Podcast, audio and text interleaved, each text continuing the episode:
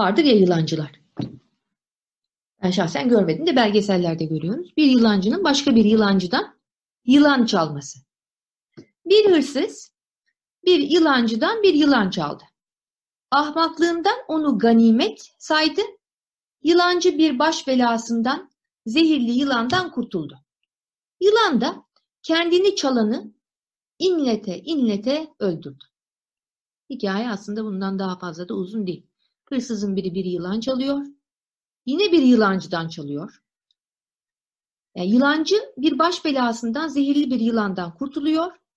Ama yılan da kendisini çalanı inlete inlete öldürüyor. Sonra yılanın sahibi hırsızın zehirlenip öldüğünü görünce bizim yılan onu temizlemiş dedi. Canım onu bulmayı, yılanı ondan almayı istiyordu. Yılancıyı bulayım da yılanımı geri alayım diye dua ediyordum. Allah'a şükürler olsun ki o dua kabul edilmedi. Yılanımın çalınmasını ben ziyan sanıyordum. Halbuki o bana kâr oldu. İşte diyor nice dualar vardır ki dua edenin aleyhinedir. Onun ziyanına ve helakına sebep olacak. Bu duaları pak ve mukaddes olan Allah kereminden, merhametinden dolayı kabul etmez. Ne kadar olsa neler neler istiyoruz değil mi? Allahü Teala'dan. Fakat buradaki yılan üstünde durmak istiyorum. Yılan pek çok kültürde farklı farklı şekillerde yorumlanıyor. İlk yılanın dinler tarihinde karşımıza çıkması biliyorsunuz. Daha çok İsra İsrailiyat kaynaklı eserlerde görülüyor. Yılan Adem'le Havva'yı cennette kandıran canlıdır. Türlü şekillere girebiliyor. Zaten kılıf değiştirebiliyor biliyorsunuz. Şeytanın yılandan istifade ederek cennete girdiği ve Adem'le Havva'yı ayartacak şekilde şekil değiştirdiği söyleniyor. Yılan öte yandan hayyat diye adlandırılıyor Arapçada. Hayyat, çoğulu hıyat. Hay kelimesinden geliyor ki hayat dolu demek. Çünkü biliyorsunuz yılan kılığını değiştirip değiştirip yıllarca yaşayabilme, e, türlü işlerin içinden çıkabilme, sıyrılabilme kabiliyetine sahip. Yılan Kur'an-ı Kerim'de de geçiyor. E, Kur'an-ı Kerim'de biliyorsunuz Hazreti Musa'nın asası sihirbazların ejderhalarını yutacak gibi büyük bir yılana dönüşüyor. Ve diğer sihirbazların mucize kabiliğinden göstermeye çalıştıkları o ejderhaları yutarak tekrar Hz. Musa'nın elinde bir asa olarak hizmetine geri dönüyor.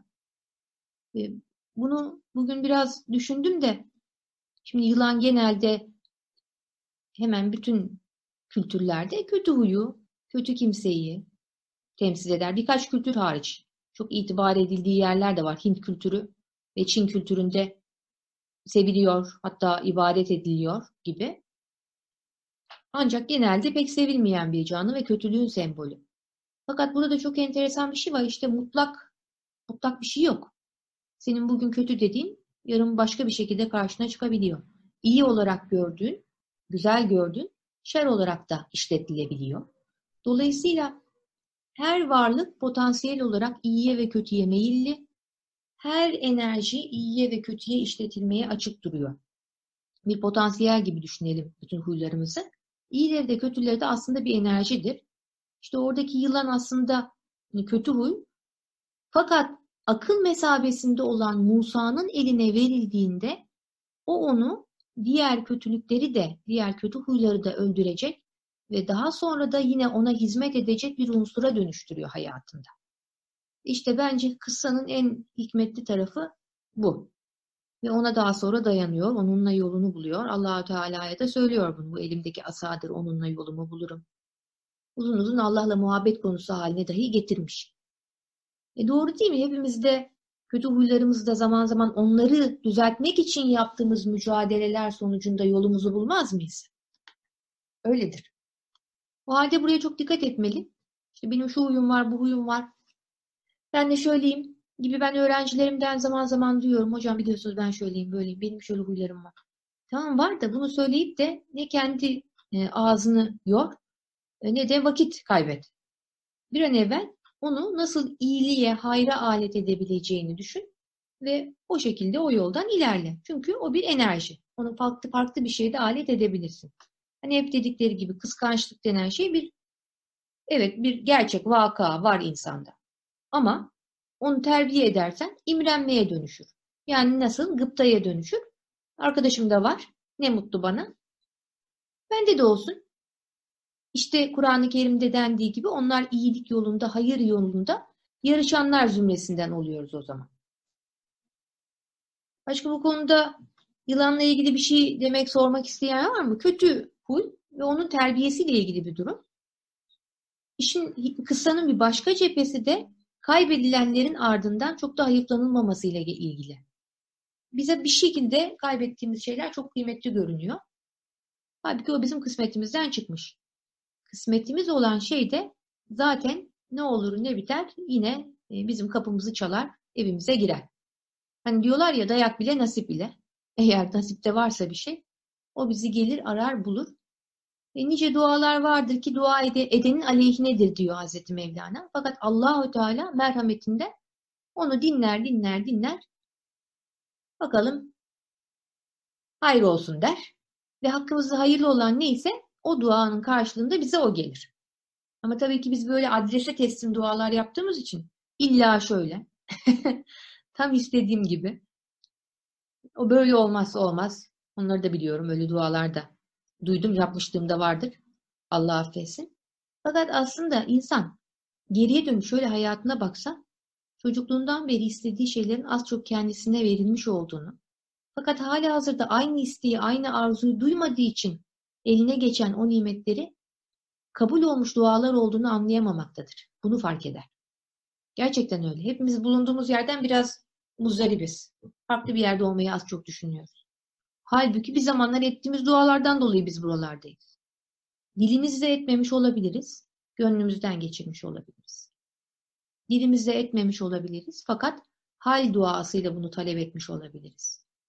Bir başka türünde, dua türününde istidat duası olduğu söyleniyor. Yani sen hiçbir şey yapmasan da senin istidadın sana gereken şeyi, e, senin hakikatine uygun olan nesneleri, insanları, olayları sana günü, zamanı, vakti gelince tutar, neredeyse alır getirir. Arkadaşlar dua Allah'a çağırmak demek. İnsan kimi çağırır başı sıkıştığında? Beşeri anlamda düşünelim. Güvendiğini çağırır. Çağırdığı adam da bir takdirde bulunursa e, çağıran kişinin o takdire razı olması gerekir değil mi? Bildiğin kişiyi çağırdın, güvendiğin, emin olduğun kişiyi çağırdın. Biz Allah'a çağırıyoruz. Allah'a çağırdıktan sonra da onun takdiri neyse e, ona razıyım diyerek duayı tamamlamak en güzelidir diye düşünüyorum. Zaten benim en çok hoşuma giden Anime Eşimel'in bir tespiti var dua ile ilgili. Dua diyor kulun ilahi takdir ile, ilahi irade ile uyum sürecidir. İnsan dua ede ede her gün bir şey dile getire getire Allahu Teala'ya. Neticede onunla bir uzlaşmaya varır. Allah'ım sen nasıl uygun görüyorsan. Allah'ım ben bunu diliyorum. Tabi takdir senindir. Diye diye bir orta yol ilahi iradeyle bulmuş olur. Peki. Dua konusuyla ilgili sorularımız olabilir. Sonra geldikçe e, dersin sonunda alır ve üzerine düşünürüz inşallah. Şimdi İsa'ya gelelim. İsa'nın yol arkadaşının ondan kemikleri diriltmesini istemesi. Hazreti İsa mübarek Kelimullah. E, çok geçiyor Kur'an-ı Kerim'de. Ali İmran suresinde, Meryem suresinde, Bakara suresinde.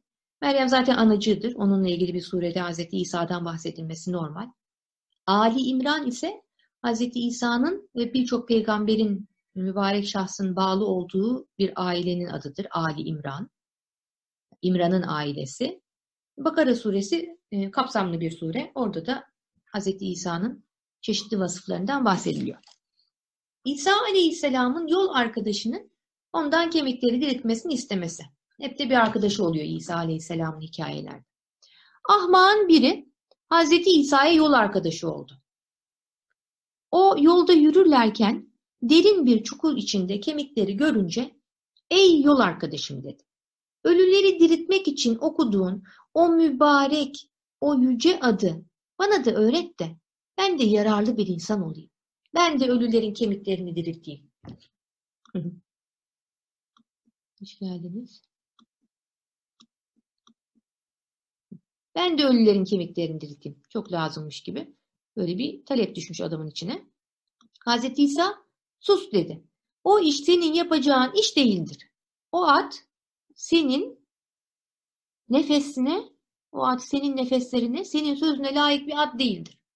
İsmi azamı okuyup diriltmek için yağmurlardan daha temiz bir nefes sahibi, kullukta meleklerden daha anlayışlı bir kişi olmak gerek. İnsanın nefesinin pak ve göklerin emini olması için ömürler yani uzun uzun zamanlar çalışmalar gerek. Sen de sağ eline bir asa aldın ama senin elin nerede? Hazreti Musa'nın eli nerede? He, Hazreti Musa'nın eli olacak ki o yılanı asaya döndürsün ve sırasında da tekrar farklı maksatlarla işletebilsin. Eyvallah. Şunu 10 yapalım. Hazreti İsa'nın yol arkadaşı benim o sırları okumak harcım değilse o mübarek otu sen oku. Hazreti İsa ya Rabbi dedi.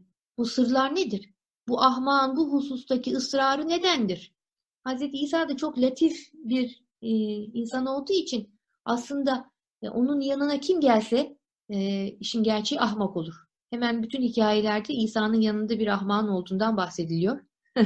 aslında bu bizim ruhumuza nispetle nefsimizin her daim biraz e, kaba ve e, ham kaldığı gerçeğine işaret etmektedir. İsa'nın yanındaki kişi belki vasat birisidir ama ona nispetle her zaman e, anlayışı kıt e, bir insan olmaktadır. Nasıl oluyor da bu hasta adam kendi derdine düşmüyor? Nasıl oluyor da bu münasebetsiz adam kendi can derdiyle uğraşmıyor? Bu aptal kişi kendi ölüsünü, manen ölmüş olan gönlünü bırakmış da yabancı bir ölüye derman aramakta. Onu diriltmeye uğraşmakta. Herkes kendi kaderini izler. Burada bir duralım. Hani bunu biz yapmıyor muyuz? Yapıyoruz arkadaşlar. Filanca için çok üzülüyorum. Falanca için e, çok işte düşünüyorum.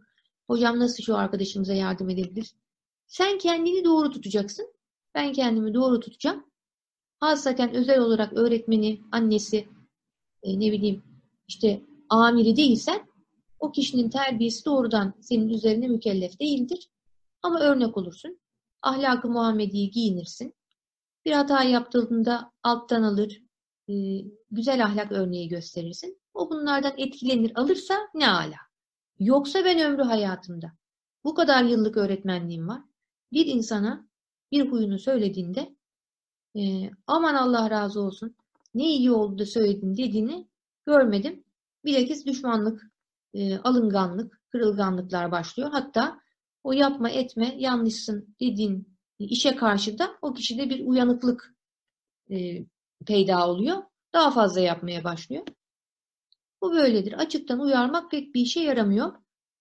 Ben severim. Bak herkes sevmez ama ben severim. Bana doğrudan söylendi mi? Söylenmediği takdirde çok kırılır alınırım. Biraz ters bir tipim. Ondan dolayı olabilir. Normal öğretiler pek işlemedi üstünde. Ben açıkça söylenmesini her zaman daha çok sevmişimdir. Ama eğitimde genel kaide kendimizle ilgilenmektir. Başkasında gördüğümüz hatayı da e, kendi hatalarımızı düzelterek tedavi etmektir ki bunu Hz. Muhammed Aleyhisselam toplu e, durumlarda bazılarına ne oluyor ki böyle böyle yapıyorlar? Acaba şöyle yapsalar daha mı iyi olur diyerek e, uyarmak zorunda olduğu kimseleri bu şekilde uyarmıştır.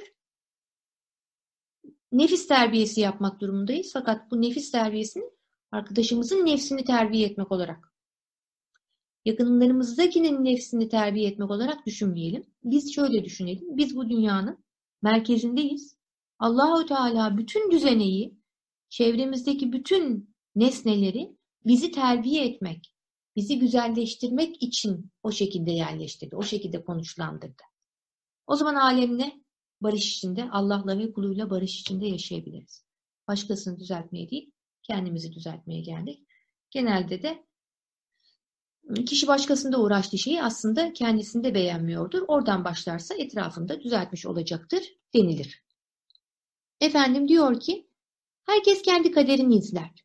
Mutluluğunu kaybetmiş kişi, mutluluğu değil de mutsuzluğu ararsa, o istediğinde şaşırarak başkalarının yolunda ektiği dikenin kendi ayağına battığını görür. Ey dünyada diken tohumu eken kişi, kendine gel kendine. Sakın ektiğin dikeni gül bahçesinde arama. Ne yaptıysak, ne ettiysek onlar çevremize ya gül ya diken olarak diziliyor arkadaşlar. Ve evimizden çıktığımız anda biz ya dikene basıyoruz ya gül bahçesine giriyoruz. Bu düşünce olarak da düşünülebilir, davranış olarak da düşünülebilir. Yaptığımız işler çevremizde ya diken tesiri yapıyor ya gül tesiri yapıyor. Heh. Nasıl bir çevreye girmek istiyorsak, Allah nasip etsin kapıdan dışarıya çıktığımızda, o günde gelecek, öyle etrafımıza tohumlar saçmalıyız. Görüşümüzde de, davranışlarımızda da kendi çevremizi kendimiz yapıyoruz diyor Hazreti Mevlana. Eğer o bahtsız eline bir gül alsa, o gül başkalarına diken olur. Bir dostun yanına gitse, onu yılan gibi sokar.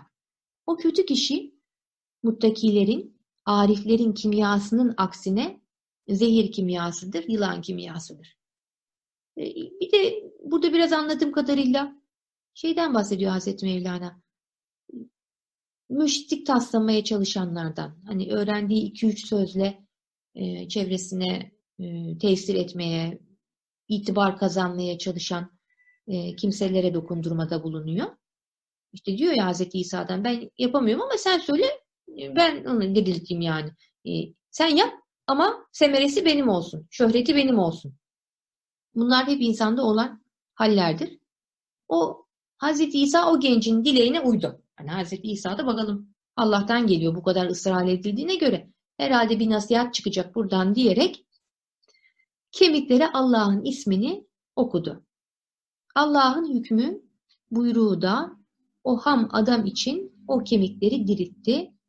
Dirilen kemiklerin arasından siyah bir arslan sıçrayıp çıktı. Adama bir pençe vurup öldürdü. Çabucak başını kopardı, ezdi.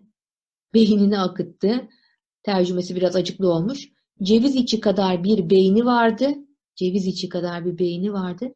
Aslında onun başı içi yok bir ceviz gibiydi. Hani bir de baş vardır da o başın gitmesinde hani büyük şeyler, feyizler vardır. Baş vermek biliyorsunuz tasavvuf tarihinde çok kıymetli bir e, semboldür.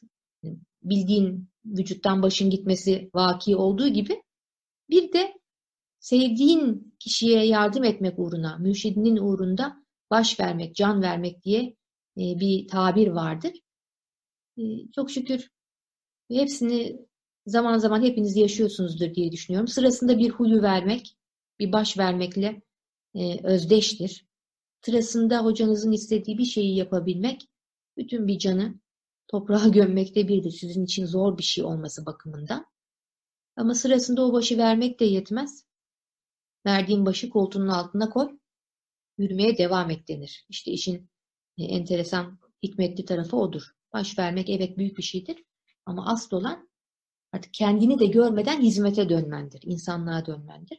Bütün gaye bu arkadaşlar. Yani biz bunları okuyoruz, ediyoruz filan. Meselemiz şu değil. Yani biraz kendimizi kültürel anlamda geliştirelim, efendime söyleyeyim.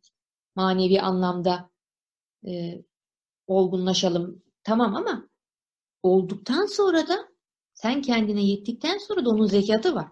Çevrene de bir iki faydan dokunması lazım.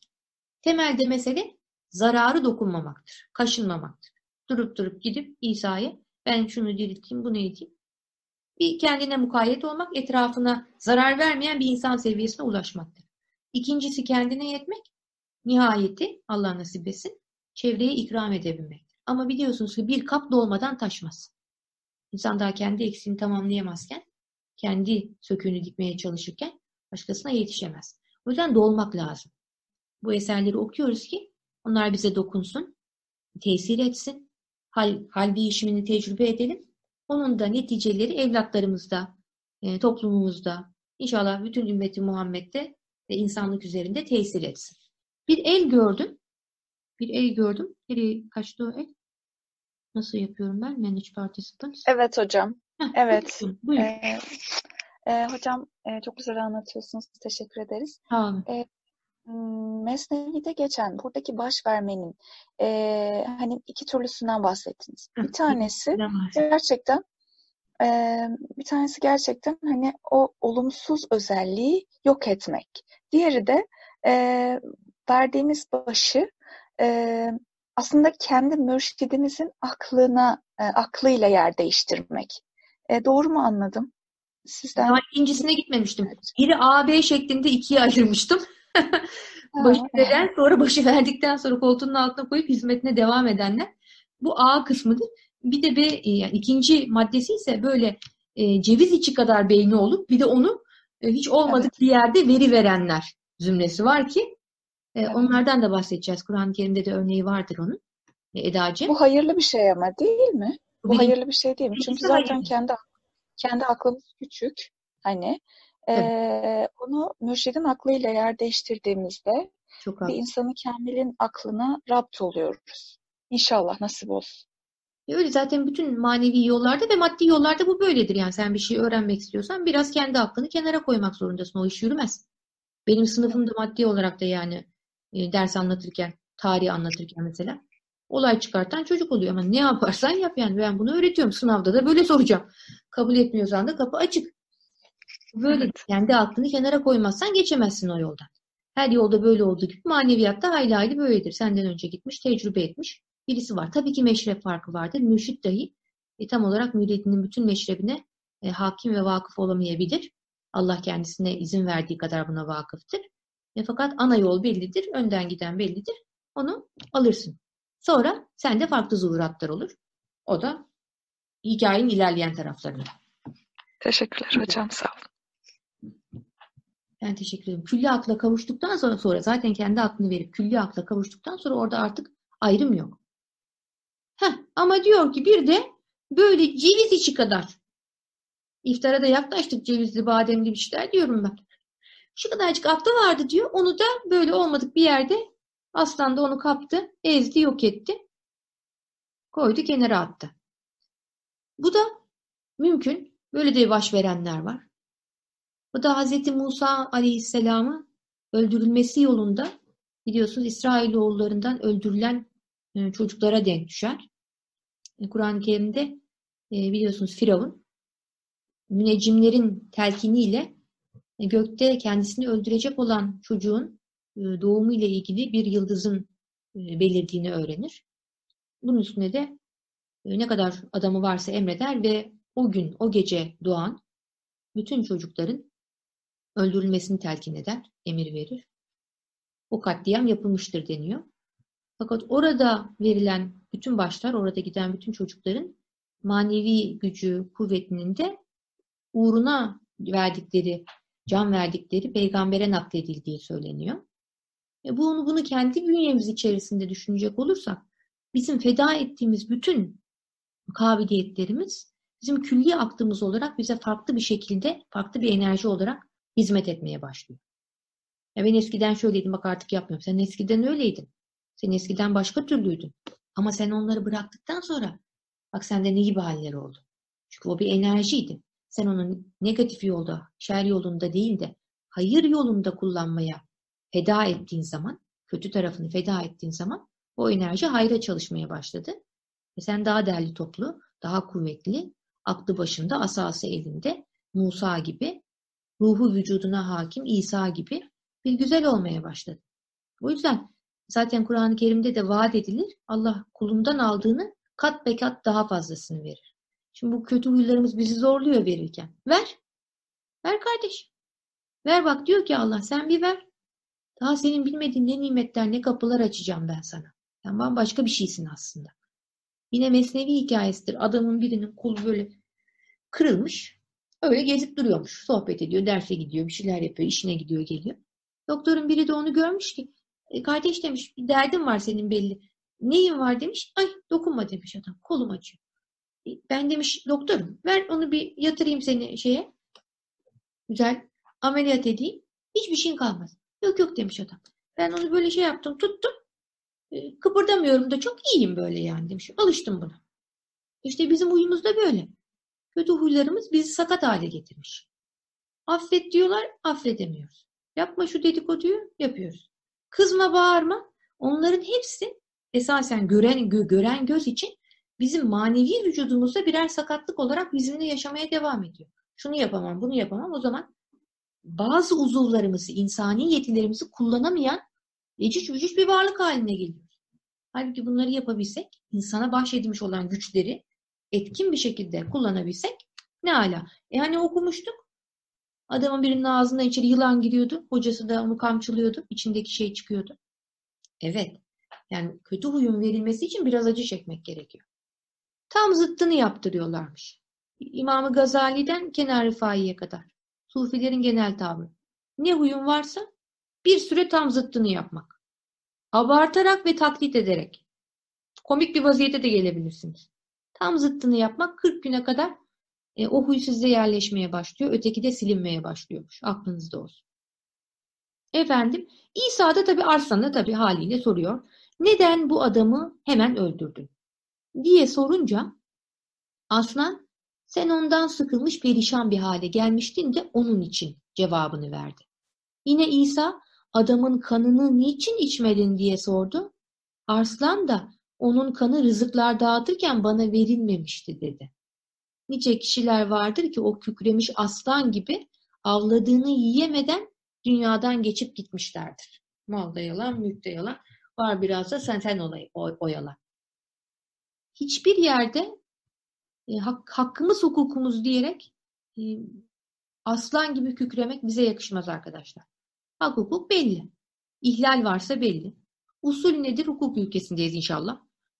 Başvurmak ve e, halimizi yani çaresini bulmaya çalışmak, meselenin hallini bulmaya çalışmak.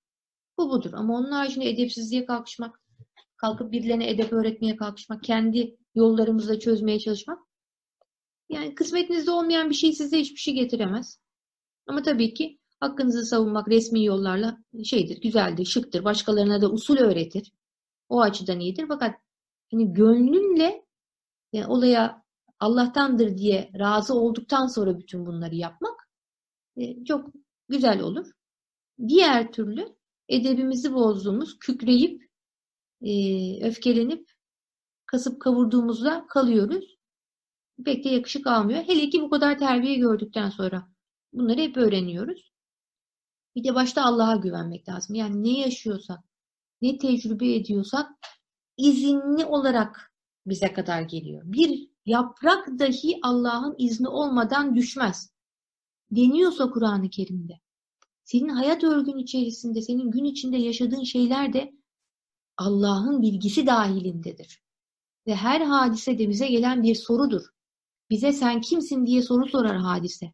İnsan, olay, söz, her tecrübe. Ona verdiğin cevapta sen kendini görüyorsun. Güzelse cevabın ilahi hakikate yaklaşmış, kesretten vahdete dönmüş, tevhide erişmişsin. Bunu bunu tatmak kadar güzel bir zevki. E, niye ben haklıyım gibi davalarla kendimi çirkinleştirerek harcayayım? Değil mi? Ha, ama gerekir savaşırız. Bak Hazreti Peygamber aleyhisselam Allah savaş demiş, savaşmış. Ama Allah için savaşmış. Kendi nefsi için değil. Peki. Bana da ne oldu bir coştum. Işıl ey bize dünyadaki zor işleri kolaylaştıran Allah.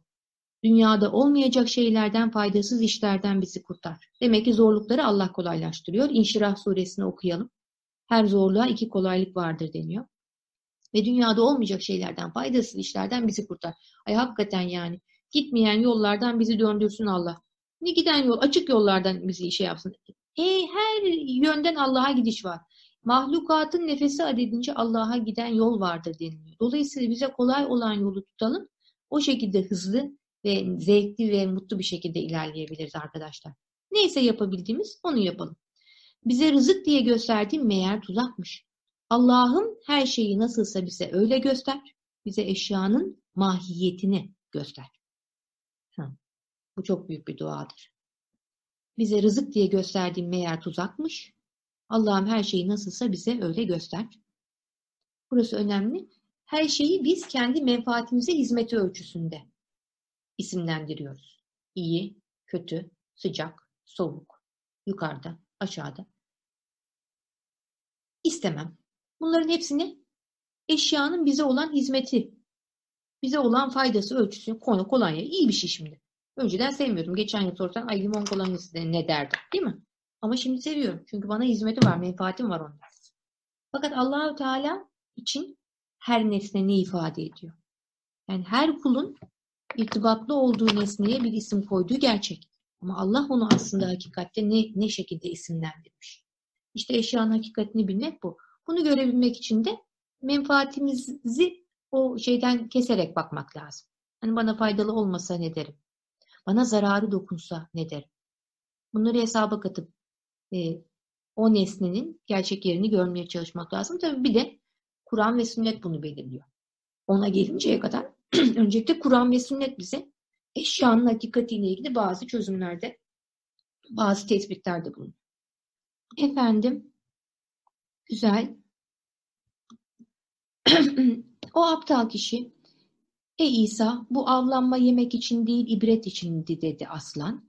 Eğer dünyada benim rızkım olsaydı, ölülerle benim ne işim vardı? Hiç ölüp de çürür müydüm dedi. Aha çok güzel. Zaten ben ölmüşüm. Benim rızkım rızkım da yok. Yani diritti beni ama. O aptal kişi İsa gibi bir peygamberi ve hayat bağışlayan bir suyun sahibi olan Ruhullah Hazretlerini bulmuş iken fırsatı kaçırdı da Allah muhafaza onun önünde olarak ey ağabey hayat sahibi kün emriyle beni dirit diye yalvarmadı. Ey hak aşığı aklını başına al da senin köpek nefsinin dirilmesini sakın isteme. Çünkü o nefs çoktan beri senin can düşmanındır. Arkadaşlar nefis nedir? Yani ben nefis nedir diye sorsalar tamam mı? Nefis kelimesini ben hangi kelimelerle özdeşleştiriyorum? Şöyle cevap veririm. Yok ama fakat kelimeleriyle. Hayır bunlarla. Bir insanla konuşmaya çalışırsan ve karşı taraftan şu kelimelerle cevap geliyorsa ama yok hayır, ancak. Bunlar nefistir arkadaşlar. İlk cümle karşı tarafı dinliyorsun. Ne güzel, çok haklısınız. Ne güzel buyurdunuz. Çünkü konuştuğun senin her ne kadar farklı bir surette olsa Allah'ın bir tecellisidir. Olmadık abidik gubidik bir şey söylüyor olsa yine kendi açısından haklıdır. Bir dinle kulakların açık olsun. Allah'ın seninle olan mükalemesini kaçırma, yakala.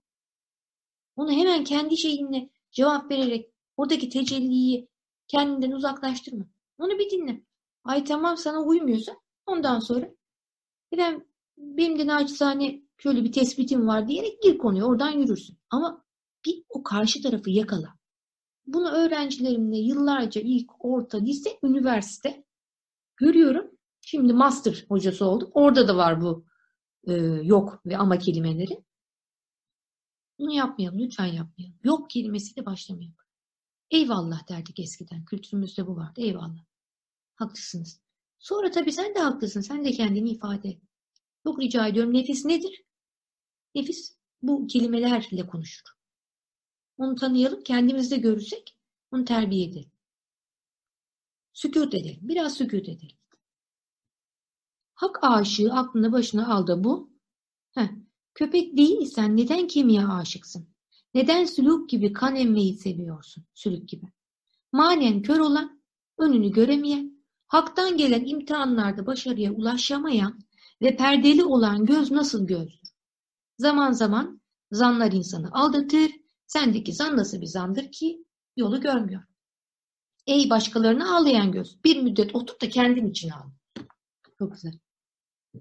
Ağaç dalı ağlayan bulutun yüzünden yeşerir, tazelenir. Mum ağlayıp gözyaşı dökünce daha aydın bir hal alır. Biraz gözyaşı dökmek de iyidir arkadaşlar. Ee, yani gözyaşı merhamet işaretidir. Yahut gözyaşı merhameti beraberinde getirir. Kalp yumuşatacak şeyler neyse yapın. Ağlayamıyorsunuz ağlar gibi yapın diyor Hazreti Peygamber Aleyhisselam. Biraz ağlamak iyidir. Hatta e, fizyolojik bir gerçek olarak da böyle bir sinir anında ağladığımız zaman e, vücuttaki bazı zehirlerin dışarıya çıktığı ve tansiyonun ondan sonra normale döndüğü, e, vücut düzeninde tekrar eski haline yavaş yavaş dönmeye başladığı görülüyormuş. Allah için olduğu takdirde hele bu ağlamak kim bilir nefsani ne kadar şeyi dışarı, dışarıya çıkartıyordu. Düşünsenize. Bazı mikropları dışarı çıkartıyorsa nefsani ağlamak bile. Allah için ağlayan gözlerden kim bilir hangi kötü huylar çıkıyor ve neler e, neler neler yıkanıyordur. Çünkü onlar fani bir insandan ayrılmışlardır. Nerede ağlayanlar var ise orada otur çünkü ağlayıp sızlamaya sen onlardan daha ziyade muhtaçsın. Çünkü onlar fani bir insandan ayrılmışlardır. Yakınlarından biri öldüğü için feryat ediyorlar. Onların hakikat madenindeki sonsuzluk halinden haberleri bile yok. Burada konuyu nereye bağlayacak Hazreti Mevlana onu merak ediyorum. 111 değil. Tamam. Biz bu hikayeyi inşallah haftaya şey yapacağız. Çok komik bir hikayedir. Ee, bu pdf'i bulabilirsiniz arkadaşlar. Ee, ikinci cilt şerhi. ikinci cilt tercümesi. Şefik Can'ın ikinci cilt ter tercümesi. pdf olarak internette bulunuyor. Böyle yansıttım. Ama tabii yansıtınca hepinizi de aynı anda görememe durumum oluyor. Şöyle bir açayım bakayım. Hı, kimler var? Peki. Sorusu olan var mı? Ben Fihi Mafik'ten bir bölüm şey yapmıştım. Ona bakacağım.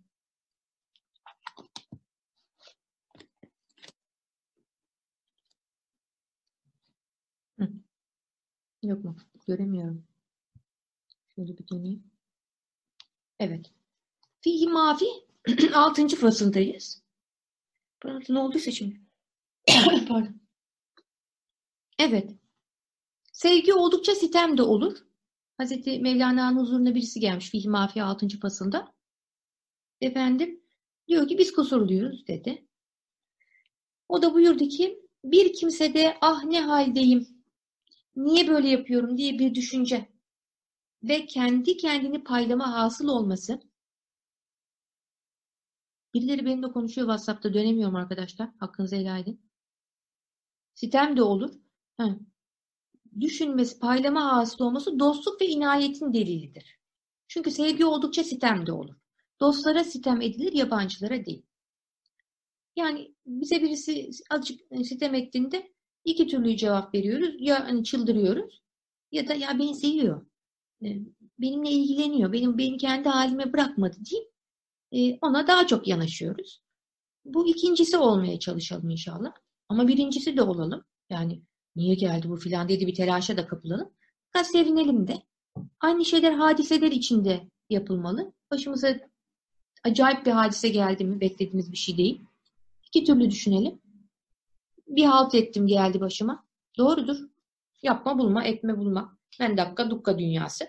Kim ne yaparsa karşılığı geliyor yani. Çok ahirete falan kalmıyor içimizden, kalbimizden, vicdanımızda yaptığımız işin zaten karşılığı bize tokat gibi geliyor.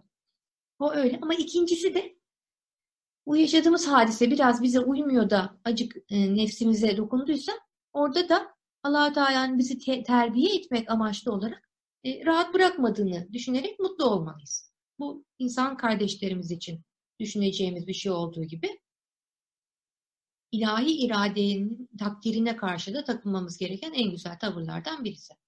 Hani Leyla ile Mecnun'un hikayesinde olduğu gibi Mecnun Leyla'nın sarayına köle düşer. Öğlen yemeği vaktinde Leyla da lütfundan kereminden kölelere çorbaları kendi eliyle ikram edermiş. Yine bir gün öyle dolaşırken herkese bol bol kepçe kepçe verirken Mecnun'u gördüğünde şöyle bir bakmış. Tın diye dokundurup ötekilere çorba koymaya devam etmiş.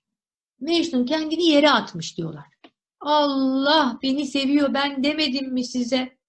Ben demedim mi? Nasıl bak görüyor musun beni seviyor diye. Demişler ki ya zaten Mecnunsun ama iyice de bir hoşmuşsun sen ya. İyice bir delisin herhalde. Sana çok sevdi daha çok verirdi. Olur mu diyor. Olur mu? Bana da herkes gibi mi davransaydı?